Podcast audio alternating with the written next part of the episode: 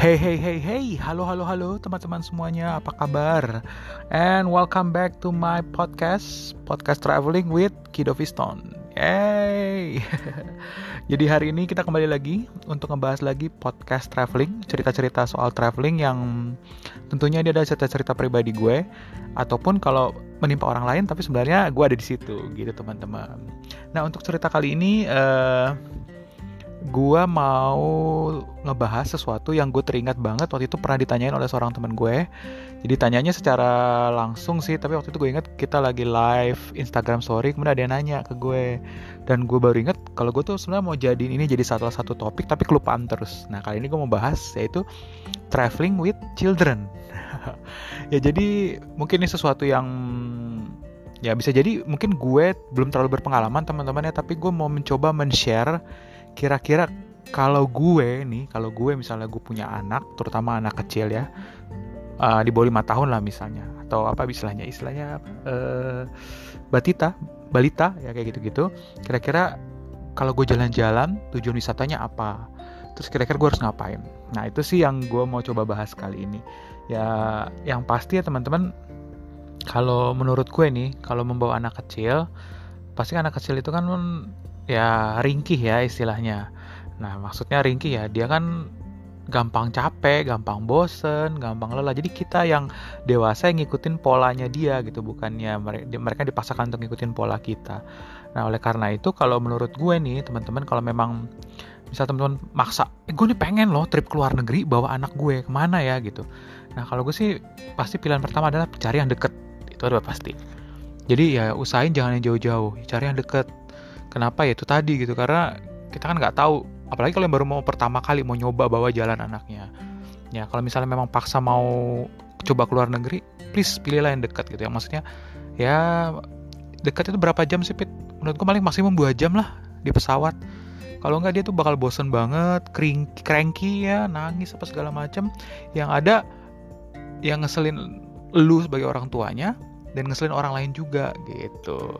Gue pernah di pesawat yang ada bayi nangis berjam-jam. Perjalanan panjang gue ingat banget tuh dari Eropa ke Asia. Dan ya sebenarnya gimana ya gue kesel tapi kasihan juga. Gimana ya, orang tua lebih kesel lagi kan? Ini anaknya dia. Dia juga pasti nggak enak dong bikin ribut satu pesawat gitu ya. Di satu sisi juga dia capek. Ya itu yang gue pikirin kayak gitu. Itu kasihannya sih di situ. Cuman bisa jadi kan waktu itu mereka mau pindah ya bukan mau liburan. Gue sih mikirnya kayak gitu aja. Ya walaupun kesel kan nggak mungkin gue omongin juga gitu Nah itu sih teman-teman. Jadi kalau menurut gue sih kayak gitu. Jadi yang pasti kalau mau teman-teman membawa anak-anak, menurut gue yang pasti itu satu harus travel yang dalam jarak yang dekat. Gitu. Dekat dalam arti dua jam cukup lah perjalanan gitu. Kalau teman-teman mau maksa dikit, oke okay lah. Agak jauhan dikit ya paling mana Asia Timur menurut gue. Nanti negaranya akan gue bahas belakangan ya. Gitu. Tapi ya itu pun juga Asia Timur lumayan panjang loh teman-teman. Kalau kayak ke Jepang bisa 7 jam, 6 jam Hongkong 4 jam. Nah kayak gitu-gitu. Nah kemudian kalau menurut gue kalau kita bawa anak kecil usahain bawa ke tempat yang memang bisa dia mengerti gitu ya. Artinya mereka bisa main. Nah menurut gue cuma ada dua tempat yang anak-anak tuh bisa bebas main yaitu satu ke tempat hiburan theme park ya. Theme park yang besar-besar yang terkenal atau ya pantai. Gitu teman-teman. Jadi mungkin dua tempat itu yang teman-teman bisa pikirkan kalau membawa anak kecil.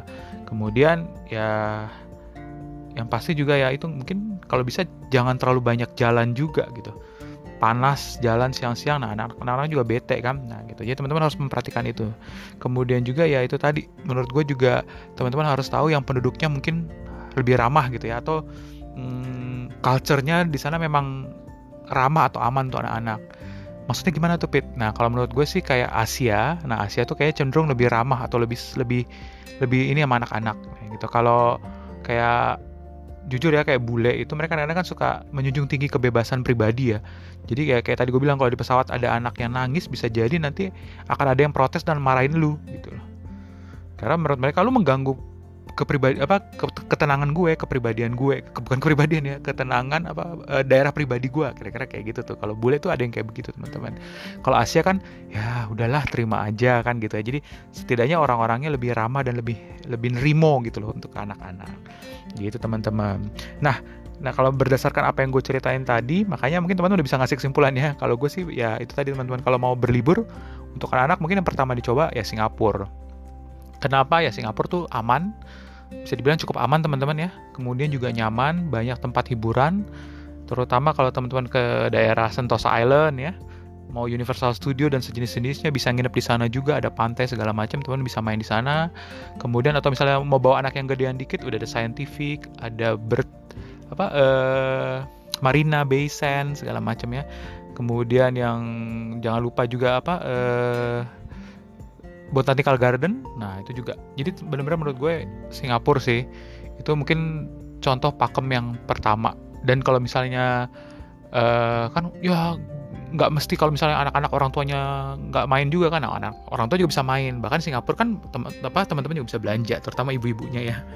Kayak gitu teman-teman. Jadi menurut gue why not coba dari Singapura gitu. Atau misalnya wah Singapura kan mahal pit. Oke okay, kenapa nggak coba sebelahnya tetangganya Malaysia ya Malaysia juga ada tempat-tempat hiburan ya tempat-tempat hiburan atau mainan contoh kayak ada Legoland di Johor gitu ya atau bisa ke KL juga KL walaupun kota tapi menurut gue juga kota yang cukup aman dan nyaman Uh, memang gak ada tempat hiburan anak-anak ya di KL gitu ya. Tapi setidaknya KL juga cukup santai, relax. Uh, eh, gue ingat ada tempat, ada kayak museum scientific juga di KL Central kalau gue nggak salah. Itu juga teman-teman bisa main ke situ. Memang mungkin tidak sebanyak Singapura, tapi menurut gue KL juga boleh dijadikan salah satu acuan juga untuk tempat bermain. Atau mau mungkin yang agak jauhan dikit sekalian ke Penang. Penang ya mungkin anak-anak nggak bisa bermain, tapi teman-teman bisa ambil daerah pantainya Nah, jadi bisa berlibur dan ke pantai. Begitu juga kayak misalnya mau coba ke Thailand, Bangkok, walaupun mungkin agak jauhan dikit, tapi menurut gue Bangkok nggak cocok buat anak-anak. Mungkin teman-teman bisa lari ke Phuket, karena pantainya banyak dan bagus gitu. Ya walaupun mendingan daripada Phuket, menurut gue mendingan ke Bali sih gitu ya. Tapi kalau teman-teman, ya gue maksa, gue mau ke luar negeri. Why not Phuket gitu. Menurut gue itu juga cukup oke okay kalau bawa anak-anak karena bisa main uh, di pantai ya dengan bebas gitu. Terus banyak uh, ya lebih lebih lebih santai lah dibandingin Bangkok yang memang benar-benar kota yang besar yang riuh dan macet kayak gitu teman-teman. Nah terus kalau misalnya gue udah pernah pit mau nyoba yang lain. Hmm, bingung gue ke mana ya mungkin paling menurut gue ya Asia Timur ya. Yang tadi gue udah sempat sebutin Hong Kong atau Jepang. Kalau suruh milih di antara dua ya sebenarnya Jepang sih walaupun agak jauhan dikit. Jepang itu memang sebenarnya perfect banget. Jadi kalau teman-teman oke okay lah mungkin anaknya udah agak gedean dikit atau mungkin satu udah gede yang satu masih toddler nah, bisa lah itu ke Jepang. Tapi kalau teman-teman bisa punya anak dua apa tiga terus toddler semua aduh gue nggak tega deh teman-teman bener deh. Tapi kalau misalnya oke okay, udah agak gedean gitu anak-anak udah nggak toddler lagi mungkin 5 sampai 12 tahun oke okay, Jepang itu asik banget teman-teman jadi saat yang sama anak-anak itu mau dikenalin budaya, mau diperkenalkan culture, mau diperkenalkan sesuatu yang berbeda. Nah, atau mau diajarin ini loh budaya yang bagus tuh begini. Kalau mau ngantri tuh modelnya begini. Kalau lo sakit tuh pakai mask tuh begini, pakai masker ya. Itu begini begini. Itu menurut gue Jepang. Dan Jepang tuh taman hiburan juga banyak. Jadi kalau anak-anak teman-teman bisa main di Tokyo dengan Disney-nya, tapi kalau udah agak gedean bisa ke Universal Studio, bisa ke Nagoya juga ada Legoland, banyak banget teman-teman tempat hiburan anak-anak. Gitu dan uh, ya bukan hanya anak-anak, orang tua juga pasti puas banget karena menurut gue oke okay banget lah. Jadi misalnya mau bawa jalan-jalan juga ke tempat-tempat yang unik-unik, misalnya di Kyoto nggak ada apa-apa, siapa bilang itu culture oke okay banget teman-teman. Anak-anak bisa diajarin, ini loh keindahannya uh, Jepang tuh kayak gini budayanya. Bisa main di Nara dengan kebun yang sangat luas ada banyak apa rusa-rusa. Pokoknya asik banget teman-teman. Jadi kalau menurut gue kalau udah agak gedean Jepang. Dan itu pasti akan pengalaman yang terlupakan juga buat si anak itu gitu. Nah kalau Hongkong gimana? Hongkong sih ya karena ada Disney sih menurut gue. Jadi kalau memang sasarannya mau ke Disney Hongkong Misalnya Jepang terlalu jauh ya apalagi bawa anaknya masih kecil-kecil gitu ya. Masih cenderung toddler atau balita gitu ya atau bayi. Paling jauh menurut gue udah Hongkong deh gitu. Cuman ya itu cuman adanya itu habis itu kota besar. Ya paling teman-teman nggak akan jauh dari seputaran itu gitu. Seputaran artinya seputaran si Disney. Bisa satu atau dua hari atau mungkin tiga hari di Disney-nya gitu. Jadi yang nggak ke mana-mana gitu. Jadi benar-benar pusat bermainnya di Disney gitu. Itu sih menurut gue kalau ngomongin soal tempat-tempat. Mungkin yang lainnya mau oh, jauhan dikit pit. Hmm, mau yang agak bule-bulean? Australia? Yes, Australia teman-teman. Australia juga lumayan oke. Okay. Terus terang gue ke Australia kan baru ke Sydney. Jadi gue belum tahu tempat yang lainnya uh, ya tapi teman-teman mungkin bisa googling. Mungkin Melbourne gue teman gue ada yang tinggal di Melbourne dan gue lihat kayaknya enak banget dan nyaman tempatnya juga. Dan mungkin juga bisa jalan-jalan membawa keluarga ke Australia menurut gue jadi nggak terlalu jauh juga.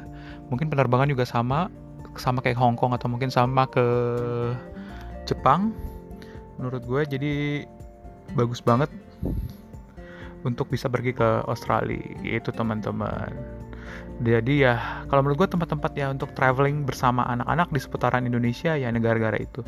Kalau mau coba ke Eropa aduh gue nggak nyaranin sih teman-teman. Tapi kalau mau maksa ya apalagi kalau nggak Prancis kenapa? Ya ada sekali lagi ada Disney. Disney Euro walaupun menurut gue ya Disney Euro tuh Disney yang paling jelek menurut gue dari yang udah pernah gue kunjungin ya. Gue belum kunjungin Amerika tapi menurut gue Disney Euro tuh yang paling standar kali. Mungkin karena dia yang pertama di luar Amerika kali ya. Dan nggak abis itu nggak pernah bertambah atau nggak berkembang lagi. Jadi ya Oh, ya walaupun ini pengalaman gue sekitar pengalaman gue 17 tahun yang lalu ya tapi menurut gue Disney yang paling jelek tuh Disney Euro gitu. Itu sih teman-teman. Oke sekarang sebelum gue mengakhiri mungkin gue mau coba kira-kira kalau bawa anak kecil mau ngasih tips trik ya. Ini menurut gue sih teman-teman gitu. Kalau menurut gue kalau teman-teman misalnya bawa anak kecil kira-kira apa sih yang harus diperhatikan? Yang pasti menurut gue yang pertama planning. Planning benar-benar planning yang luar biasa. Jadi teman-teman nggak bisa pergi kayak ah eh bulan depan gue mau ke ini yuk. Nggak bisa kayak gitu menurut gue teman-teman. Jadi teman-teman harus planning jauh-jauh hari mungkin 6 atau bahkan 3 uh, 3 bulan atau 6 bulan gitu. Terbalik ya tadi. ya, jadi setidaknya 3 bulan sebelumnya teman-teman sudah punya planning. Kenapa? Karena dalam waktu 3 bulan itu biasanya semua udah, udah dibuka. Artinya udah dibuka apa Fit? Ya itu misalnya pre-tiket, teman-teman udah harus beli tiket duluan, bisa cari tiket yang bisa cari tiket yang apa istilahnya tiket yang lebih murah karena kan bawa anak-anak ya bukan satu kepala bisa bawa empat atau lima kepala gitu kan seperti itu. Jadi biasanya tiket tiket tiket masuk atau tempat hiburan atau tiket tiket kereta itu dibuka tiga bulan sebelum hari haknya tuh udah dibuka gitu ya. Itu yang pasti kemudian juga perjalanannya udah harus jelas. Misalnya dari dari turun pesawat teman-teman mau naik apa? Oke mau naik taksi mau pakai Uber atau mau pesan dari shuttle itu udah harus jelas. Jadi jangan yang last minute gitu. Menurut gue kalau bawa anak-anak jangan last minute karena itu akan stressful banget teman-teman. Jadi stressful dengan udah bawa anak-anak jangan teman-teman tambah dengan stressful karena nggak well plan kayak kira-kira gitu. Nah kemudian juga mungkin packing. Packing itu juga harus benar-benar diperhatikan ya jangan sampai packingnya asal-asalan packing over juga nggak pen jadi nggak bagus. Bayangin aja kalau misalnya satu anak satu koper sendiri wah itu udah nggak bener ya teman-teman. Jadi artinya ya dari planning tadi mungkin planningnya harus nginep di hotel harus nyuci berapa lama harus berapa hari sekali udah harus nyuci kayak gitu-gitu teman-teman. Terus diper, diperhitungkan dipikirin. Atau kalau mau tinggal di apartemen biar nyuci sendiri lebih murah seperti itu. Itu sebenarnya benar-benar harus di planning dengan benar-benar plan gitu. Nah kemudian eh perhatikan juga misalnya fleksibilitas. Itu udah pasti teman-teman. Fleksibilitas itu teman-teman udah harus perhatikan. Jadi ya misalnya tadi mau beli tiket murah udah pasti kan nggak fleksibel. Nah kenapa enggak misalnya teman-teman ya cobalah untuk cari tiket walaupun dia agak murah tapi cari yang fleksibel gitu. Jadi supaya misalnya ada apa-apa teman-teman bisa ganti. Jadi nggak hangus kayak gitu teman-teman. Jadi terus juga kalau bisa tahu diri juga. Maksudnya ya jangan gue mau hari ini ke Disney besoknya misalnya mau ke Jepang gitu. Hari ini mau di sini Tokyo besok sudah mau ke Osaka untuk mau apa uh, Universal Studio ya. Kan kalau mau anak-anak kayak nggak mungkin deh. Cobalah selang satu hari satu harinya di untuk istirahat atau cuma buat jalan-jalan kecil kayak gitu gitu teman-teman. Itu pokoknya harus di, di planning banget. Tahu kapasitasnya lah jangan terlalu dipaksakan gitu. Jadi ke fleksibilitasan di situ. Atau cari tiketnya yang memang misalnya open buat dua hari. Jadi eh, misalnya datangnya nggak di hari H di hari berikutnya masih bisa. Nah itu ada juga teman-teman gitu. Jadi tiket-tiket fleksibel tuh ada gitu. Terus jangan lupa kalau ada anak kecil pakai manfaatin child discount. Child discount tuh banyak banget teman-teman. Di setiap tempat penerbangan ataupun transport itu ada child discount. Nah, itu jangan lupa untuk dipakai. Kemudian namanya anak-anak pasti ya eh, tidak berhenti makan walaupun bapaknya juga sih. Tapi jangan lupa bawa snack ya. Snack kesukaan anak-anak karena penting banget buat mereka gitu ya. Kemudian ya take everything slow. Udah pasti teman-teman slowly. Slowly but sure. Kemudian juga nah ini yang gue suka dengar dari cerita dari teman gue yang punya anak yang hobi berjalan-jalan. Nah itu anak-anak juga harus di-explain diterangin. Kalian kita mau jalan-jalan loh kita mau trip gitu. Jadi jangan dianggap mereka udah mengerti. Jadi harus anak-anak itu diterangkan secara detail diterangkan kepada mereka gitu. Maksudnya ya dianggap mereka kayak orang dewasa. Kita mau pergi loh nanti naik pesawat gini gini gini gini nanti pesawat nggak boleh begini begini ya. Ya mungkin kata-katanya nggak boleh ya. Eh, bukan bukan bilang nggak boleh. Nanti kalau di pesawat harus begini begini begini. Kenapa nggak boleh begini? Nanti kamu begini. Pokoknya explain everything gitu. Karena anak-anak itu akan menjadi sangat mengerti. Gitu kata teman gue lo bukan kata gue gue belum punya anak. Ya kemudian ya jangan malu juga untuk bawa peralatan yang bagus. Jadi artinya gini teman-teman. Kalau menurut gue daripada bawa peralatan murah dan jelek contoh misalnya stroller gitu ya terus nanti patah atau nggak bagus atau malah tersendat-sendat kan teman-teman yang rugi. Maksud gue ada nggak ada salahnya sih kalau misalnya teman-teman beli stroller yang bagus yang ringan gampang dibuka gitu terus bawanya juga enak. Nah, gitu teman-teman. Ini bukan masalah gaya-gayaan tapi lah masalah kenyamanan kita juga gitu. Kemudian pengawasan ya. Pengawasan kepada anak itu juga penting banget jangan sampai kita capek lengah. Nah itu makanya kita perhatikan juga apa tingkat kebugaran tubuh kita juga teman-teman ya. Gitu. Jadi itu harus diingat. Terus anak-anak juga kalau bisa apalagi anak-anak kecil teman-teman buatlah sesuatu untuk tracking anak-anak anak-anak itu. Jadi supaya misalnya kalau dia kehilangan orang tahu gitu ada tandanya gitu. Entah dikasih kayak gelang yang ada nama alamat kita sebagaimana dan lain-lainnya gitu teman-teman. Itu penting banget. Kenapa? Ya supaya kita nggak kehilangan anak kita dan anak-anak ini juga punya data yang bisa dilihat orang lain gitu kalau dia hilang gitu. Terus jangan lupa bawa obat-obatan mereka. Karena orang dewasa aja obat-obatan penting apalagi mereka. Kemudian juga bawa benda-benda yang menurut gue penting sih kayak benda-benda yang mungkin ada yang orang tua nggak setuju tapi menurut gue kayak gadget gitu ya mainan baru buku baru. Kenapa harus baru ya? Supaya mereka baru kan berarti punya perhatian yang baru ya. Jadi terutama ketika di pesawat ini bisa mengalihkan perhatian mereka gitu teman-teman.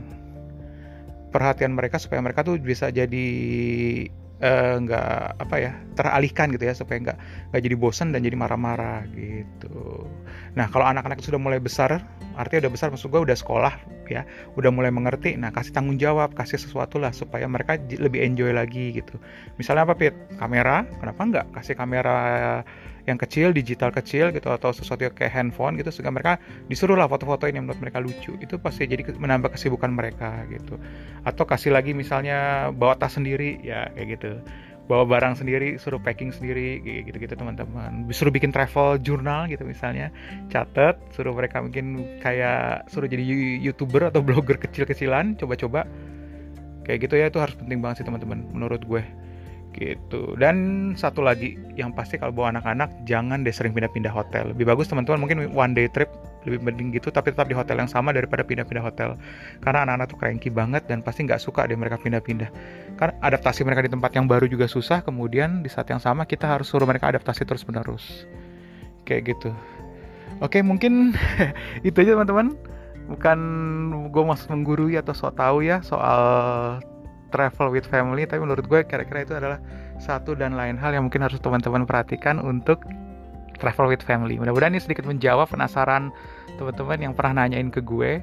Dan kalau mungkin ada pertanyaan lagi atau mungkin ada yang mau nambahin silahkan deh kontak ke gue. Nanti mungkin bisa jadi kita tambahin session lain untuk travel with family. Atau mungkin juga nanti session khusus kita bisa diskusi dengan teman gue yang sudah berapa kali traveling with family dengan anak-anak. Nanti kita bisa nanyain. Benar nggak sih kira-kira tips and trip trips eh trips tips and trick gue kali ini gitu. Atau mungkin bisa ditambah lagi gitu. Kita bisa belajar lebih detail. Gitu aja teman-teman. Thank you banget udah dengerin. Sampai ketemu di next travel podcast with Kid of Thank you dadah. Bye bye